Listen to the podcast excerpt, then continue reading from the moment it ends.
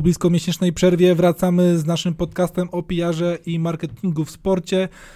Oczywiście spowodowana ta przerwa jest e, tym, że e, tak jak cały świat wyhamował z powodu rosyjskiej agresji, inwazji na Ukrainę, tak samo świat sportu i przede wszystkim komunikacji też to zrobił, ale dzisiaj wracamy za to w większym gronie, bo po raz pierwszy nagramy w tercecie, a ze mną są e, dwa Michały. Michał Tkaczyn tradycyjnie. Dzień dobry. I dołączył nas Michał Zawada, również Publicon Sport. Witam Michał. Dzień dobry. Dan Filipowski, e, witamy serdecznie i nie przedłużając, zaczynamy.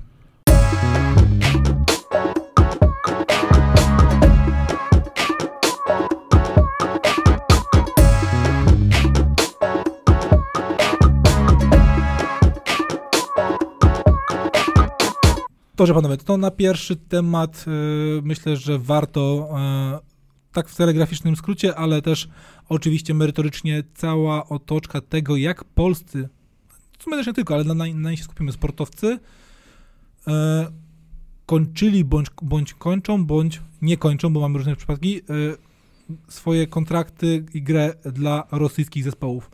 Jak wy na to patrzycie i jakie wątki w tym temacie dla was są najistotniejsze? Rzeczywiście tak, Damian. Widzieliśmy się miesiąc temu, równo miesiąc temu, 24 lutego. Wydaje mi się, że możemy trochę się nawzajem tutaj pochwalić. Byliśmy trochę trendsetterami, jeśli chodzi o dyskusję na temat wykluczeń Rosji. Już wtedy mówiliśmy stanowczo, że, że Rosyjska Federacja powinna zostać pozbawiona chociażby finału Ligi Mistrzów i tak dalej, to potoczyło się bardzo szybko, choć z różnego rodzaju perturbacjami. Widzieliśmy dokładnie, co działo się między innymi na linii FIFA, PZPN, FIFA i inne federacje piłkarskie. Myślę, że w kontekście tego, że za kilka dni jeden z najważniejszych meczów piłkarskich naszej reprezentacji, no ostatniego dwu, a nawet chyba czterolecia, zagramy y, mecz barażowy ze Szwecją bądź z Czechami. Myślę, że warto najpierw wspomnieć o PZPN-ie. Skoro mówimy tutaj o, o, ofensywie i defensywie komunikacyjnej, wydaje mi się, że tutaj zapunktował PZPN zdecydowanie w tych ostatnich kilku tygodniach. Tak sobie myślę, że po tej takiej krótkotrwałej defensywie po ogłoszeniu Czesława Michniewicza doskonale pamiętamy tę pierwszą konferencję prasową, która delikatnie rzecz ujmując mogła być w wykonaniu PZPN-u, w wykonaniu prezesa Kuleszy yy, zorganizowana inaczej. Po tej krótkotrwałej defensywie w gabinecie prezesa zaraz po wybuchu wojny tam kilku doradców usiadło i powiedziało to jest jakieś pole gry, w którym musimy się pojawić, pole gry, w którym warto, warto zagrać i rzeczywiście ta asertywna postawa Y, prezesa Kuleszy, który był też znowu jakimś trendsetterem, jeśli chodzi tutaj o apelowanie, o wykluczanie Rosji ze wszystkich pól sportowych, była po pierwsze dobrze rozegrana, to pole gry było dobrze zdefiniowane, a już poza tym wszystkim, albo może ponad to wszystko, to było po prostu moralnie. Moralnie właściwie widzimy to po tych kilku tygodniach. Yy, chociaż z perspektywy czasu, jak tak patrzę na, na FIFA i, i na to, jak się yy, władze FIFA zachowywały, to tak sobie myślę, że nawet Belzebub wyglądałby na, na szlachetnego. Znaczy, doszło do jedynego rozsądnego rozwiązania w tej całej sytuacji i fajnie że, fajnie, że to wszystko wyszło też e, przy okazji rozmów z zawodnikami, mówię o Wojciechu Szczęsnym, o Robercie Lewandowskim i że, i że ci, którzy decydują rzeczywiście o obliczu tej reprezentacji na boisku, zadecydowali w, w kluczowym momencie o obliczu tej reprezentacji e, poza, e, poza boiskiem i że, i że prezes Kulesza e, zagrał z nimi w jednym zespole e, i no ja byłem zbudowany tym, jak to się odbyło, no bo jak patrzyłem na przykład dla porównania, jak, jak musiał walczyć z, z Związkiem Światowymi Władzami Narciarskimi, Polski Związek Narciarski e, w kwestii udziału e, w Mistrzostwach Świata Juniorów E, o, o, to, no bo Rosjanie zostali powołani i w zasadzie dopiero szale, szale, Polski Związek Narciarski powiedział, że zawody się nie odbędą e, na, e, w Zakopanym, jeżeli, jeżeli nadal władze światowe będą utrzymywały, że mają w nich wziąć udział Rosjanie. No i praktycznie aż do momentu, o czym przeszło to trochę bokiem. Nie pojawiła się chyba jakoś ta wiadomość w mainstreamie. Radzieccy, radzieccy, so, no radzieccy, w sumie radzieccy, rosyjscy skoczkowie zostali pobici w jednej z restauracji e, w Zakopanym przez, przez miejscowych. E, dotarło chyba wtedy do władz światowych, że rzeczywiście nie tędy droga i zostali wycofani, no ale kompletnym bezsensem był chociażby ich przyjazd tutaj, czyli wygląda na to, że władze rzeczywiście światowych, y, światowego sportu i nie mówię tylko o FIFA, FIFA, o UEFA, czy o, czy o, o związkach narciarskich, czy tenisowym, jakby nie rozumieją powagi sytuacji, moim zdaniem, i, i tego tak naprawdę tak naprawdę jak istotne, jak istotne jest to, to całe, całe zjawisko e, sportwashingu, jakim, jakim, e, jakim się posługiwała e, putinowska Rosja w ostatnich latach e, i, i, jak to było istotne. Przypomnę, że zaledwie 4 lata po aneksji Krymu e, Rosjanie organizowali mundial. E, w międzyczasie mieli jeszcze igrzyska w Soczi. E, czyli to już kompletna aberracja. E, I teraz nagle e, władze się budzą, wszystkie po kolei, no ale rzeczywiście Polski Związek Piłki Nożnej był chyba pierwszą federacją, która rzeczywiście otwartym tekstem powiedziała nie, nie gramy i za nimi poszły głosy kolejnych federacji piłkarskich. I z tego możemy być naprawdę dumni, zadowoleni, no i obyśmy teraz tylko piłkarsko postawili kropkę nad i w przyszłym tygodniu na boisku. Mhm. A mówimy tutaj o, o związku, o reprezentacjach, o, o, klubach, bo większość klubów, prawie wszystkie zostały wykluczone z jakichkolwiek europejskich czy światowych e, rozgrywek, czy to w piłce nożnej, czy to w koszykówce, e, czy to w siatkówce. E, a jak wy patrzycie dzisiaj, miesiąc, od, miesiąc po wybuchu tej, tej, tej, tej wojny, po tym jak Rosja wtargnęła na terytorium Ukrainy i zaczęła e, niszczyć i zabijać e, w kontekście sportowców, którzy zostali w kraju agresora, w kraju, który został tak jakby zbanowany przez, przez, przez całą resztę świata i dalej tam e, są, zarabiają pieniądze i e, uprawiają swoją dyscyplinę sportu. Bo w Polsce jest kilka przykładów e, nieoczywistych. I to moje pytanie, czy tutaj należy stosować różne podejście do tematu, w zależności od każdego przypadku indywidualnie, czy jeżeli jesteśmy konsekwentni w tym, że wykluczamy Rosję, to wykluczamy też możliwość e, tak jakby życia, pracowania dla e, pracodawcy z kraju agresora, jakim jest Rosja, tudzież Związek Radziecki, jak mi opowiedziałeś, bo te działania są bardzo bliskie temu, co było e, w tamtych czasach Związku Radzieckiego. Inaczej, no, na pewno do każdego przypadku trzeba podchodzić indywidualnie. Ja mam w głowie i przed oczami yy, tych kilka przykładów naszych piłkarzy, między innymi Grzegorza Krychowiaka, który był też powiedzmy sobie twarzą yy, wychodzenia z Rosji i rozwiązywania kontraktów z różnego rodzaju klubami. Dużo było dyskusji też na temat Sebastiana Szymańskiego i na temat Maćka Rybusa, tego czy powinni zagrać teraz w tym najbliższym meczu barażowym, jak zostaną odebrani y, przez kibiców też na, na stadionie podczas tego drugiego meczu barażowego, który zostanie rozegrany w Polsce. Wydaje mi się, że tak, do każdego przypadku musimy podchodzić indywidualnie, ale no ciężko mi jest sobie teraz, jeśli mam wyznaczyć jakąś granicę, wyobrazić sytuację, w której y, polski sportowiec miałby przynajmniej na takim deklaratywnym poziomie mówić o tym, że chce zostać, zostać w Rosji. Dużo mówi się o Sebastianie Szymańskim, o tym, w jaki sposób ta sytuacja się na nim odbiła. Z tego, co wiem i z tego, co, co, co, co te źródła, co, co donoszą źródła za, yy, wiarygodne, no to wydaje się, że jego pobyt w Rosji to już będzie raczej liczony w dniach i w godzinach. To okno UEFA to jest bodaj 7 kwietnia. Z tego co wiem, y, Sebastian w przeciągu kilku dni podpisze kontrakt z Realem Sociedad i, i zmieni ligę o, o braciach Ponitka, to chyba ty, Damian, będziesz hmm. w stanie powiedzieć A, więcej. To, to jeszcze tylko tutaj, tutaj przedstawię tak jakby spektrum, bo zobaczcie, mamy te trzy nazwiska wcześniej, które wymieniłeś, czyli Grzegorz Krychowiak, zawodnik, który tak naprawdę nie jest w ogóle związany z Rosją, tylko tak naprawdę gra tam od y, kilku lat. A do tego, do tego dodajmy, może sobie pozwolić ze względów finansowych na zerwanie kontraktu. Na przykład? W, każ w każdym momencie. Jest y, Sebastian Szymański, który jest bardzo dużym, dużą wartością y, swojego, swojego zespołu z którym pewnie zespół wiązał nadzieję, że zarobi. Wszyscy ci piłkarze jest Maciej Rybus, który jest, wartością, który no? jest stricte związany z, z Rosją, ponieważ jego żona jest Rosjanką i tam, tam też ma, ma całą rodzinę, więc ta, ta, każdy przykład z tych, tej trójki jest zupełnie inny. Do tego, do Stąd tego moje pytanie właśnie o to. No, no i, do, i, pamiętajmy, że każdy z nich ma inny kontrakt opiewający na y, inną długość trwania, inne warunki rozwiązania, ma innego agenta, y, inaczej reagują władze danego klubu na prośbę na przykład tego, żeby polubownie się rozstać w takiej mhm. sytuacji. Mhm. I sprawy kontraktowe, jak wiemy, nie załatwia się ich z dnia na dzień. Ale Michał, I... to jest takie pytanie, czy ta sytuacja, która ma miejsce, która jest absolutnie taka, na którą nikt nie jest gotowy, e, i która nigdy nie powinna się wydarzyć, a się wydarzyła i ma cały czas, cały czas, cały czas trwa, czy wtedy patrzymy właśnie na coś takiego jak długość kontraktu, na karę, jaką można zapłacić, czy to jest coś absolutnie, co wymaga konkretnych decyzji, bo zobaczcie, Mateusz Ponitka e, w momencie, gdy ta wojna wybuchła, zabrał swoją rodzinę, żonę, dziecko, jak tam mówił teścio, teściową, wy, wywiózł e, z, z Rosji, wyjechał z kraju, a mimo to musiał do niego później wrócić, tak? I zobaczmy, jak to zostało w mediach rosyjskich przedstawione, bo oni wrócili z wakacji, które zostały wymuszone e, i są gotowi do ponownego reprezentowania, w tym przypadku Zenita e, St. Petersburg. Parę dni później, gdy e, wybuchła w mediach cała, e, cała afera związana z tym powrotem Mateusza, e, ta propaganda rosyjska została tak spowodowana, że Mateusz stał się obiektem tak jakby ataków. Co też nie powinno być samo w sobie celem, ani, ani też nie powinno mieć miejsca. To jest, to jest jedno, ale ani Polski Związek Koszykówki, ani FIBA, ani Związek Zawodowy Koszykarzy, nikt w tamtym momencie nie stanął w obronie Mateusza i nie przedstawił prostych rozwiązań, które mogą się w tym przypadku wydarzyć.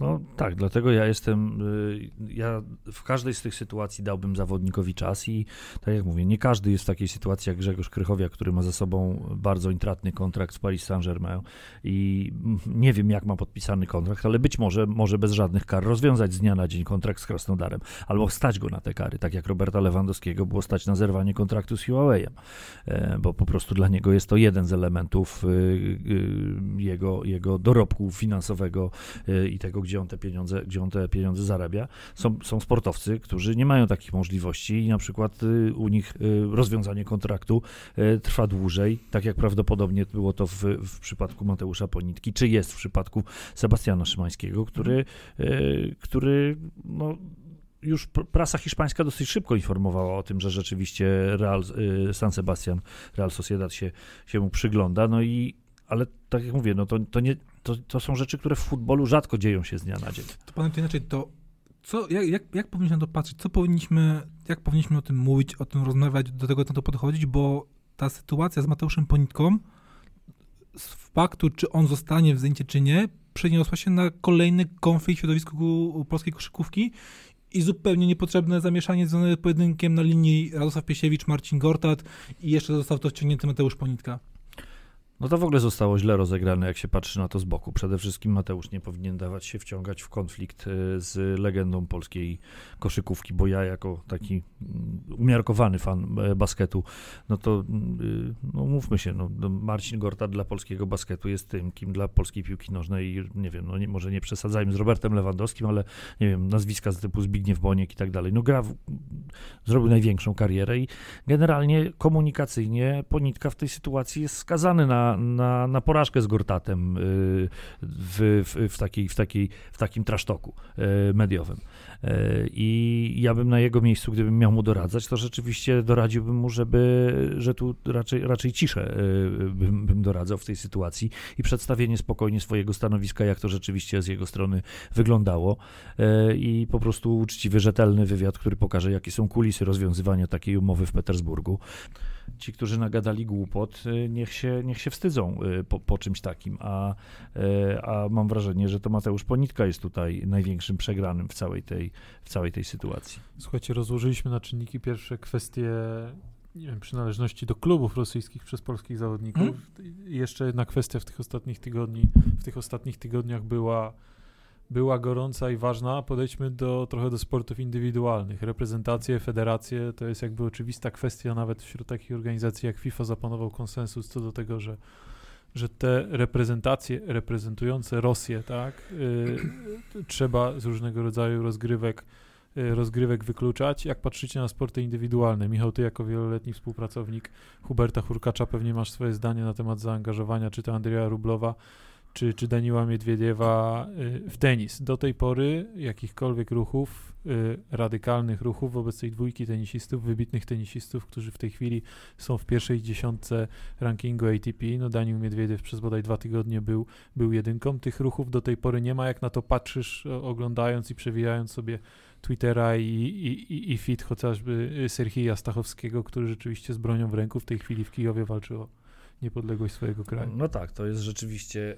y, i ja tutaj też bym podchodził indywidualnie, tak jak podeszły do tego władze turnieju wimbledońskiego, które zażyczyły sobie wręcz y, jasnego stanowiska ze strony y, nie wszystkich Rosjan, tylko w tym wypadku Miedwiediewa, e, który e, chodził do, do szkoły dyplomatycznej, która, e, która jak wiemy, tam masa dzieci dyplomatów rosyjskich, którzy no, chodził do niej krótko, no ale no ale nie chodził do niej przypadkiem, tak? I generalnie nigdy nie wyrażał swojej opinii dotyczącej, dotyczącej braku poparcia, czy poparcia dla, e, dla tego, co, co robi putinowska Rosja.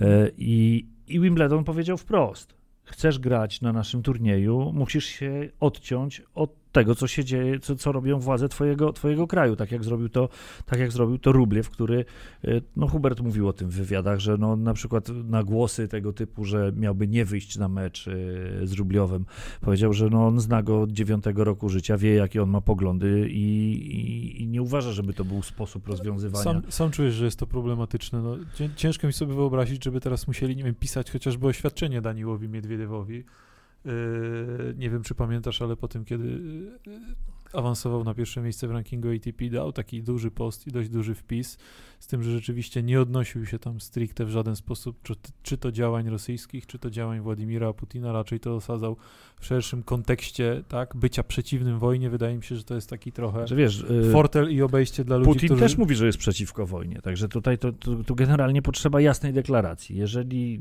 jeżeli rzeczywiście stać cię na to. I finansowo, i, i osob, osobowościowo, na to, żeby powiedzieć nie, nie podoba mi się to, co robi Putin, nie jestem temu przeciwny, jestem przeciwny inwazji na Ukrainę, tak jak to zrobił, tak jak to zrobił dosyć, dosyć radykalnie, jak na rosyjskiego sportowca Rubliew, bo z drugiej strony widzieliśmy medalistów Igrzysk Olimpijskich Zimowych na tym festynie e, obrzydliwym na stadionie na, stadionie nie na wiem, Łużnikach. Nie wiem, czy się zgodzicie z tym, e, jeżeli w ogóle w jakikolwiek sposób, nawet e, gdzieś tam powiedzmy w racjonalnych środowiskach opiniotwórczych pobrzmiewały czasami takie głosy, żeby być może nie, nie wrzucać każdego do, do tego powiedzmy sobie rosyjsko-wojennego worka, to to wydarzenie, które miało miejsce na Łużnikach rzeczywiście zmieniło dynamikę mówienia o, o, o Rosjanach w ogóle w sporcie no, do tej pory mi się Łużniki kojarzyły z finałem Ligi Mistrzów z 2008 roku i z tym, jak się John Terry y, pośliznął y, w, w rzutach karnych, tak, I, i, z triumfem Cristiano Ronaldo, z pierwszym triumfem w Lidze Mistrzów. To teraz tam Od ktoś, tamtej pory ktoś inny się kojarzyły, kojarzyły tylko i wyłącznie z tym, tak jak to nazwałeś, y, pseudo szkaradnym, paskudnym eventem. Dobra, panowie, to tutaj postawmy kropkę, jeżeli chodzi o wątki rosyjsko-ukraińskie, bo oczywiście ten temat się nie zakończy niestety ani dzisiaj, ani jutro, ani pewnie nawet No ale sportowo, za, trzeba, za, za sportowo, trzeba to, sportowo trzeba to będzie jakoś rozwiązać, chociażby w wypadku takiego turnieju jak Wimbledon, no tam te rozwiązania już widać, że ktoś nad nimi myśli, tak? Generalnie na, na, na Wimbledonie, Wimbledonie myślą y, o wiele szerzej, e, bo też pamięta, pamiętacie kwestie ubezpieczenia kwestie turnieju, ubezpieczenia turnieju mhm. i tak dalej, i tak dalej, więc tam raczej e, mogą być dobrym, dobrym przykładem i nie będzie takiego zamieszania. A nie wiem, czy, czy wracając do kwestii ubezpieczenia turnieju, nie wiem, czy wiecie, że zawodnikom rozstawionym wszystkim wypłacono, y, mimo tego, że turniej się nie odbył, wypłacono wszystkim pieniądze za pierwszą rundę. A to Czyli, tego, tego, nie wiedziałem. No, tego także to, jest to tak taka ciekawostka. Nie... Wszyscy, wszyscy zawodnicy, 32 rozstawionych zawodników dostało normalnie pieniądze za, za zagranie pierwszej to rundy. Teraz ciekawi mnie jeszcze jedna rzecz. Czy kobiety i mężczyźni dostają takie same wynagrodzenia? Ale to powiem ci, że, że, że, że nie wiem, bo, bo to, tutaj to jest... Bo tu, to jest ciekawy moment, żeby przejść do tenisa kobiecego. A, to jest dużo, bardzo, dużo bardzo widzę, że bardzo szybko zapalić, o czym teraz chcę e, porozmawiać. E, bardzo bardzo zaskakująca informacja w tym tygodniu.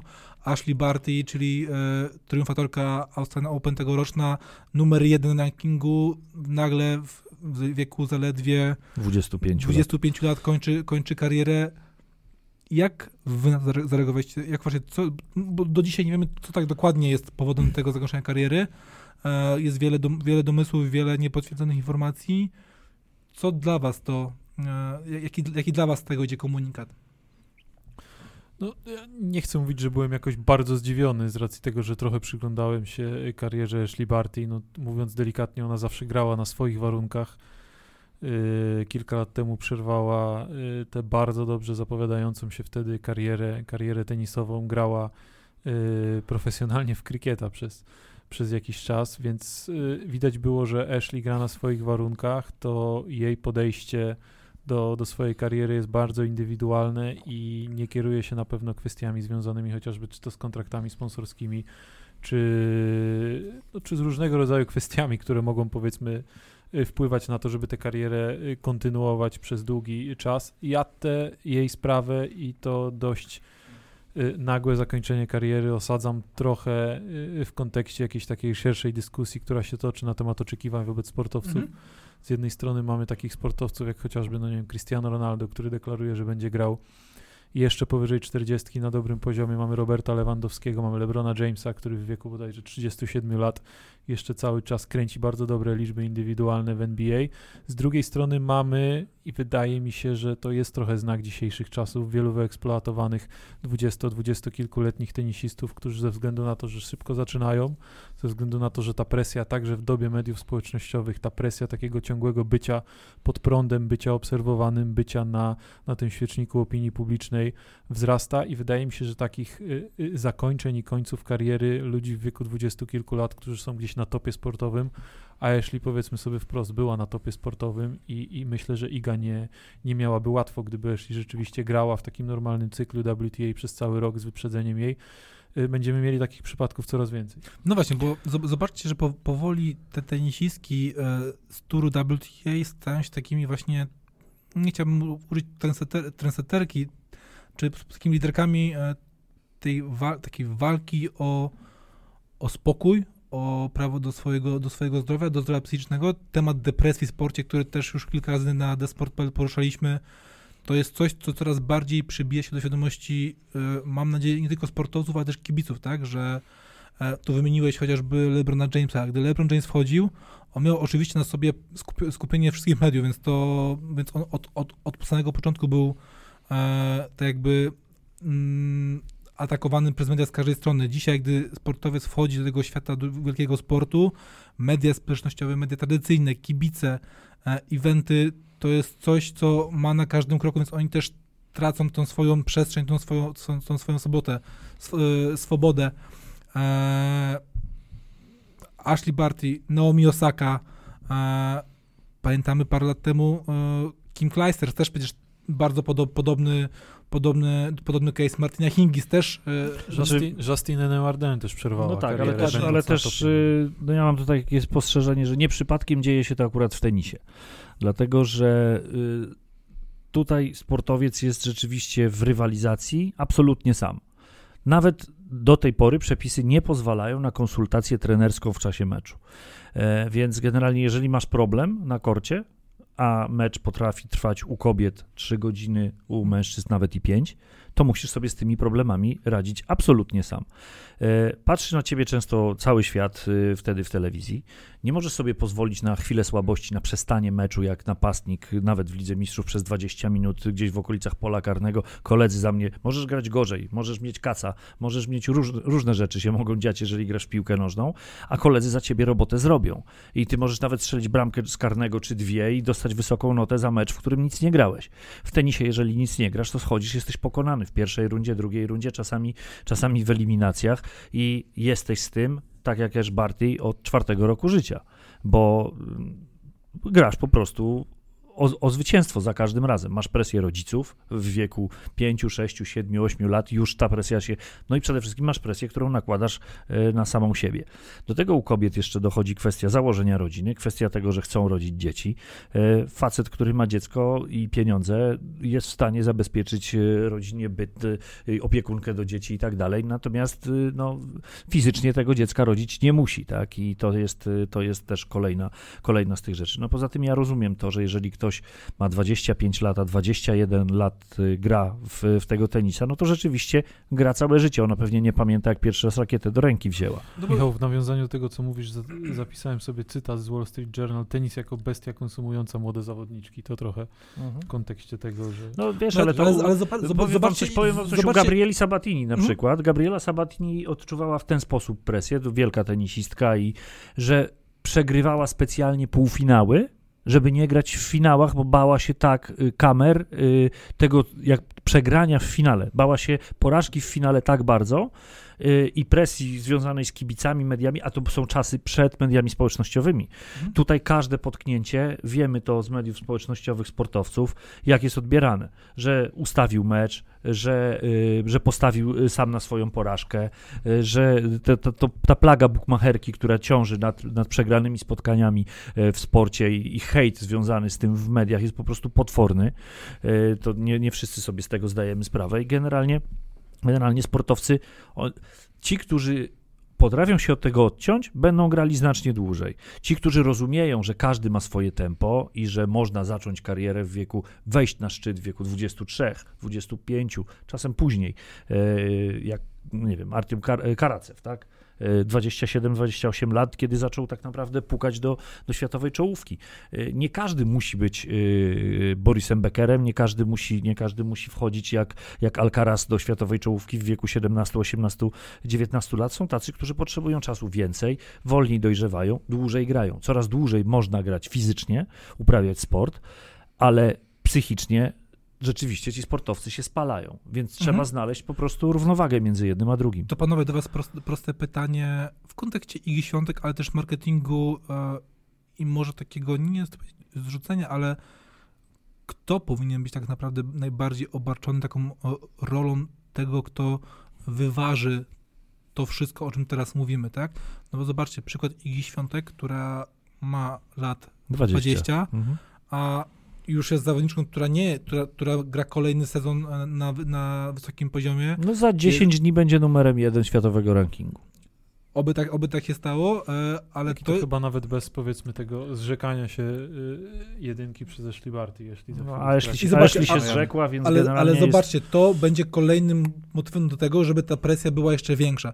E, to, co jeszcze jest w kontekście IGI, przy- przypomnijmy sobie zeszłoroczne igrzyska w, e, w Tokio, ten, ten słynny płacz po porażce, e, o którym było głośno, ale nie wiem, czy w takim wymiarze, w jakim powinno być głośno i co, co powinien on zmienić, tak? E, presja, sport, wyniki, e, popularność, sponsorzy. Sponsorom też zależy na tym, żeby ich sportowcy, których oni sponsorują, byli na szczycie.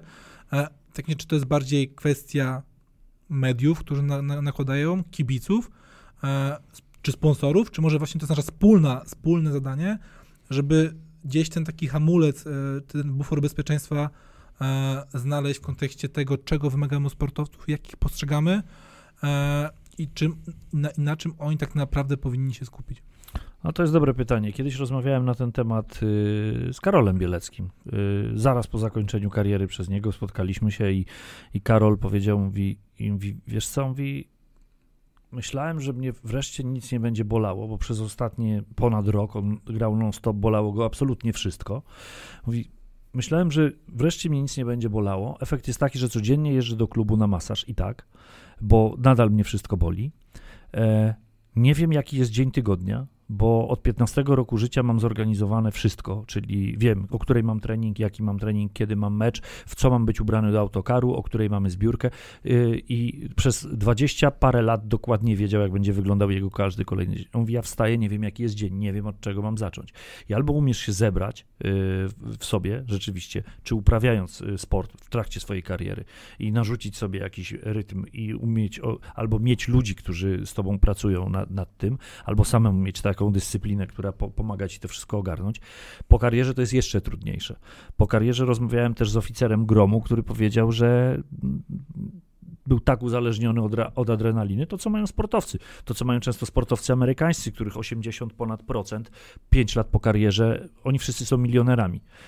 5, 5 lat po karierze oni nie mają nic, bo albo to przepuszczają w kasynach, albo są uzależnieni od narkotyków, alkoholu i tak dalej Albo są koledzy i otoczenie. i koledzy i otoczenie, ale wszyscy odreagowują to w bardzo różny sposób, niekoniecznie najmądrzejszy. Więc to jest zjawisko generalnie bardzo szerokie yy, i trzeba po prostu pracować z ludźmi, którzy się na tym znają i uczyć się tego, uczyć się siebie, uczyć się swojej psychiki, uczyć się, uczyć się radzenia sobie z, z, z tego typu zjawiskami. E, także to, to nie jest, to, nie wymyślimy tutaj prostego rozwiązania, ale rzeczywiście to, to jest problem duży w sporcie. Nie ma tu prostych rozwiązań, ale jeszcze wracając do Igi, bo myślę, że warto jej poświęcić trochę więcej czasu. Za chwilę będzie jedynką rankingu WTA, będzie najlepszą tenisistką na świecie. No, wydaje się, że Iga po tej nie najlepszej końcówce zeszłego sezonu, jeśli w ogóle można mówić o, o nie najlepszej końcówce w sytuacji, kiedy grała Yy, grała w Mastersie na koniec sezonu i rzeczywiście bodaj chyba nie, nie zagrała w żadnym szlemie poniżej czwartej rundy przez cały rok. Widać, że przepracowała dobrze ten okres. Yy, widać, że ta praca z Darią Abramowicz cały czas jest. Ona jest na dużej intensywności, na takiej codziennej komunikacji Igi Świątek. Widać, że ona jest skupiona na procesie, skupiona też na swoim odczuwaniu. Wydaje się, że znalazła ten balans. Złą informacją jest to, że oczekiwania wobec niej w tej chwili będą, wydaje mi się, niestety już tylko większe. No ciężko mi sobie wyobrazić, żeby dzisiaj, nie wiem, odpadnięcie w trzeciej albo w czwartej rundzie no, nie spotkało się w Polsce w takiej szeroko pojętej społeczności medialnej inaczej niż tylko po prostu z przeświadczeniem, że, że za nią y, niedobry turniej. No, mhm. są są y, dobre strony, ale niestety też złe strony bycia najlepszym tenisistą eee, świata. I tak, to, ale wiesz, to, to, jeszcze... to najlepiej Karolina Woźniacka, która przypomnijmy była przez długi czas też jedynką, nie mając tak naprawdę triumfu w turnieju Wielkiego Szlema. No tak. I mówimy o, o aktualnie najlepszej tenis, tenis, tenisistce na, świecie, na świecie i szukamy w niej, w, w tym wniku wad, nie? I o tym, o, o tym właśnie no tak, ale wiesz, a, a, z drugiej strony Hubert Hurkacz mówi o tym wprost, że mówi, jak masz gorszy dzień, jesteś niewyspany, nie wiem, przytruty, źle zjadłeś, yy, nie wiem, miałeś, masz jakiś problem, który ci wisi w głowie i nie jesteś w stanie, no bo różne rzeczy się dzieją, kwestie rodzinne, kontraktowe, indywidualne, prywatne, jakieś sprawy. Jeżeli coś, yy, coś ci ciąży, coś nie powoduje, powoduje, że nie działasz na 100%, albo czasami na 110%, tak jak musisz, wtedy, kiedy grasz z zawodnikami z absolutnego topu, na korcie nie funkcjonujesz tak, jak powinieneś z jakiegokolwiek powodu, tak jak mówię, sen, dieta, cokolwiek, to Możesz przegrać z zawodnikiem, który ma ranking 100, 120, 85. Dla większości kibiców tenisa to szczególnie w tenisie męskim, y, to, to są nazwiska, które nic nie mówią. I od razu taka porażka jest traktowana rzeczywiście jak klęska, jak w ogóle poddanie meczu, jak y, y, znak tego, że zawodnik nie walczy, że coś się dzieje z nim złego. Niekoniecznie. Poziom jest bardzo wyrównany. Dzisiaj pokazywałem Michałowi taki taki e, screen, który pokazuje, jaka różnica jest e, w pierwszej dziesiątce tenisie kobiecym w rankingu pomiędzy tym, co było rok temu i dzisiaj i u mężczyzn. U mężczyzn na dziesięciu facetów z pierwszej dziesiątki, ośmiu nadal zajmuje miejsca w pierwszej dziesiątce, łącznie z Nowakiem, który gra dosyć rzadko z racji swojego pomysłu na szczepienia e, i tak dalej, ale ośmiu z nich utrzymuje pozycję w dziesiątce. Tam doskoczył teraz Hubert Hurkacz, który rok temu był po, poza, poza tą dziesiątką. U kobiet są tylko dwie kobiety, które utrzymały pozycję w dziesiątce. To jest Kwitowa i chyba Sabalenka. A pozostałe y, to albo tak jak Barty retired, albo y, powypadały i mają rankingi jak Osaka, miejsca 170, 70, 120. Także, także u kobiet ta E, ten ruch w interesie jest dużo większy. Czesi zresztą postanowili z tego skorzystać, ponieważ wyszło im, że wprowadzenie zawodniczki do pierwszej pięćdziesiątki, do pierwszej siedemdziesiątki na świecie jest 10 razy tańsze niż wprowadzenie mężczyzny, bo zabetonowany jest ten ranking u mężczyzn dosyć mocno i posta postawili na szkolenie w tenisie kobiecym na, na dużą skalę. Jak popatrzymy, to w tej chwili Czesi chyba mają w pierwszej setce, nie, nie, nie, nie, nie pamiętam ostatniego rankingu, ale między 17 a 20 nazwisk kobiecych w, w ścisłej setce y, rankingu. To ja to jeszcze tak, y, no to, jest, to jest bardzo wszystko ciekawe, ale też wymaga o wiele bardziej kompleksowej rozmowy i takiego bardziej kompleksowego podejścia do tematu już stricte mentalnego, a, i technicznego. Tu przydałaby się rozmowa z psychologiem e, mentalnym, e, trenerem mentalnym, psychologiem, e, a może nawet psychiatrą, żeby też te, te... Coś, coś wejdę ci w słowo, no. bo, bo, rozmawiałem na ten temat kiedyś a propos, a propos sportu dziecięcego z Bogdanem Wentą i on mi powiedział, mówi, nie rozumiem po co chłopcy w różnych dyscyplinach, po co, to, po co rywalizują y, na tak, y, na takim poziomie intensywności, jeżeli chodzi o walkę o punkty, w wieku 12, 14, 16 nawet lat. No i przecież, przecież oni będą mieli w wieku lat 25, 26, 28 taką ilość spotkań o punkty, dla, które każde z nich dla, w odczuciu nastolatka jest meczem o życie. Mhm. Dla, bo my inaczej znosimy jako ludzie dorośli tak. porażki, niż, niż sportowiec nieukształtowany w pełni psychicznie. No, mamy inną no, perspektywę i doświadczenie. Mamy inną perspektywę, wiemy, które zwycięstwo jest istotne, które nie. Tam się walczy o życie w każdym meczu. Więc mówi, poziom wypalenia y, sportowca w wieku 22, 24, 26 lat jest taki, że oni rzeczywiście nie są w stanie y, normalnie rywalizować, bo, bo są po prostu wypaleni psychicznie. E, I to widać po sportowcach, nie wiem, no chociażby ostatnie problemy alkoholowe Neymara. Człowiek, który wyszedł z Barcelony do Paris Saint-Germain po to, żeby dostać złotą piłkę i być numerem jeden na świecie, e, w tym momencie piszą o nim artykuły, że, że, że, w, mhm. że, w, ty, że w ostatnim tygodniu ani razu nie przed trzeźwy na trening, tak? Poprawnie Michał, ale Neymar swego czasu chyba też mówił, że przed nim jeszcze maksymalnie, nie wiem, jeden, e, dwa tak, lata tak, grania chciał, tak, chciał kończyć karierę. No, kiedyś Michel Platini skończył karierę bardzo wcześnie, ale ze względów fizycznych. On wiedział, że przychodzi pokolenie nowych sportowców, ale takich jak Marcel Desailly, którzy zmiotą z boiska piłkarzy to, to pan, szczupłych, y, mikrych i tak To panowie, dalej. kończąc ten wątek, bo mamy przykład, y, te wszystkie przykłady, o których mówiliśmy, ale mamy też przykład y, sportów typowo amerykańskich, mówię tu o futbolu amerykańskim, baseballu, a nawet koszykówce, tak jak LeBron James, gdzie ci sportowcy, mimo tej wysokiej intensywności rozgrywania meczów, no przypomnijmy, E, w baseballu jest to, to, są to 162 mecze e, w ciągu, w ciągu kilku miesięcy i to dzień po dniu często e, trzy dni z rzędu albo cztery.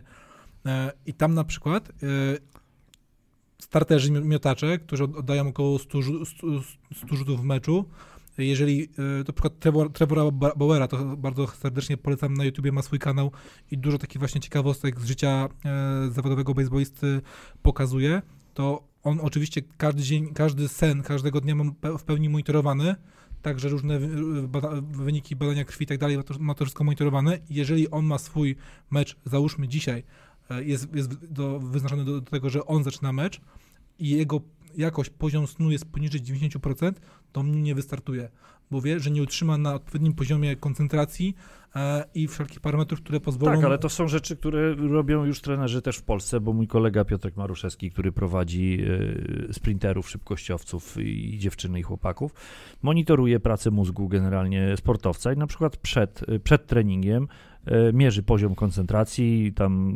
e, specjalistyczne pomiary robi, po prostu po, po pomiarze potrafi powiedzieć idź do domu. Dzisiaj nic z tego nie będzie. Łatwiej o kontuzję niż o to, żeby to była wartościowa jednostka treningowa. I, i tak się generalnie w tym momencie na świecie pracuje. Ze, z, z, trenerami od snu pracuje Cristiano Ronaldo, pracował mhm. Robert Lewandowski. E, generalnie w pewnym momencie do ludzi dotarło, że, że te 8 godzin pracy, 8 godzin regeneracji, 8 godzin snu, to nie, to nie jest żadna głupota, tylko rzeczywiście musisz swoje odespać. Piłkarze w Hiszpanii muszą, mają wpisaną w dobę po prostu drzemkę popołudniową, która trwa do 45 minut i mają iść spać w określonej porze, nie siedzieć z telefonem, nie obniżać sobie poziom melatoniny przy pomocy y, gier FIFA, FIFA i różne inne tego typu. Innych Minecraftów. Y, tak, inne Minecrafty przed... przed y, Czy Fortnite. Tak, tak, przed, przed monitorami, tylko po prostu mają ewidentny zakaz korzystania z tego i, i do tego mają drzemkę popołudniową i, i, tak są rozłożone jednostki treningowe, żeby to wszystko optymalizować. I, no i to to jest jedyny, jedyny kierunek. Y, y, jeżeli, jeżeli chcesz uprawiać sport długo, to musisz to robić mądrze. mądrze. I tutaj postawmy kropkę, bo z tego co Michał pamiętam, to za chwilę ci odjedzie pociąg, e, a wtedy już tego, tego nagrania na pewno nie skończymy. E, jeszcze raz bardzo dziękuję. Michał Zawada. Dzięki. Michał Tkaczyżyn. Dziękuję bardzo. Dan Filipowski, e, dziękujemy bardzo serdecznie. Zapraszamy oczywiście na desport.pl, gdzie my pełnimy swoją rolę, swoją misję i staramy się wam to trochę tłumaczyć troszkę inaczej, troszkę szerzej, aby ten poziom takiej świadomości u każdego e, wzrastał odpowiednio. Jeszcze raz dziękujemy i słyszymy się, Michał, już chyba za dwa tygodnie e, wrócimy do regularnego e, naszego trybu. Mam nadzieję, że nic innego się nie wydarzy, a że wrócimy już mając swoją reprezentantkę jako numer jeden światowego kobiecego tenisa. Dziękuję bardzo.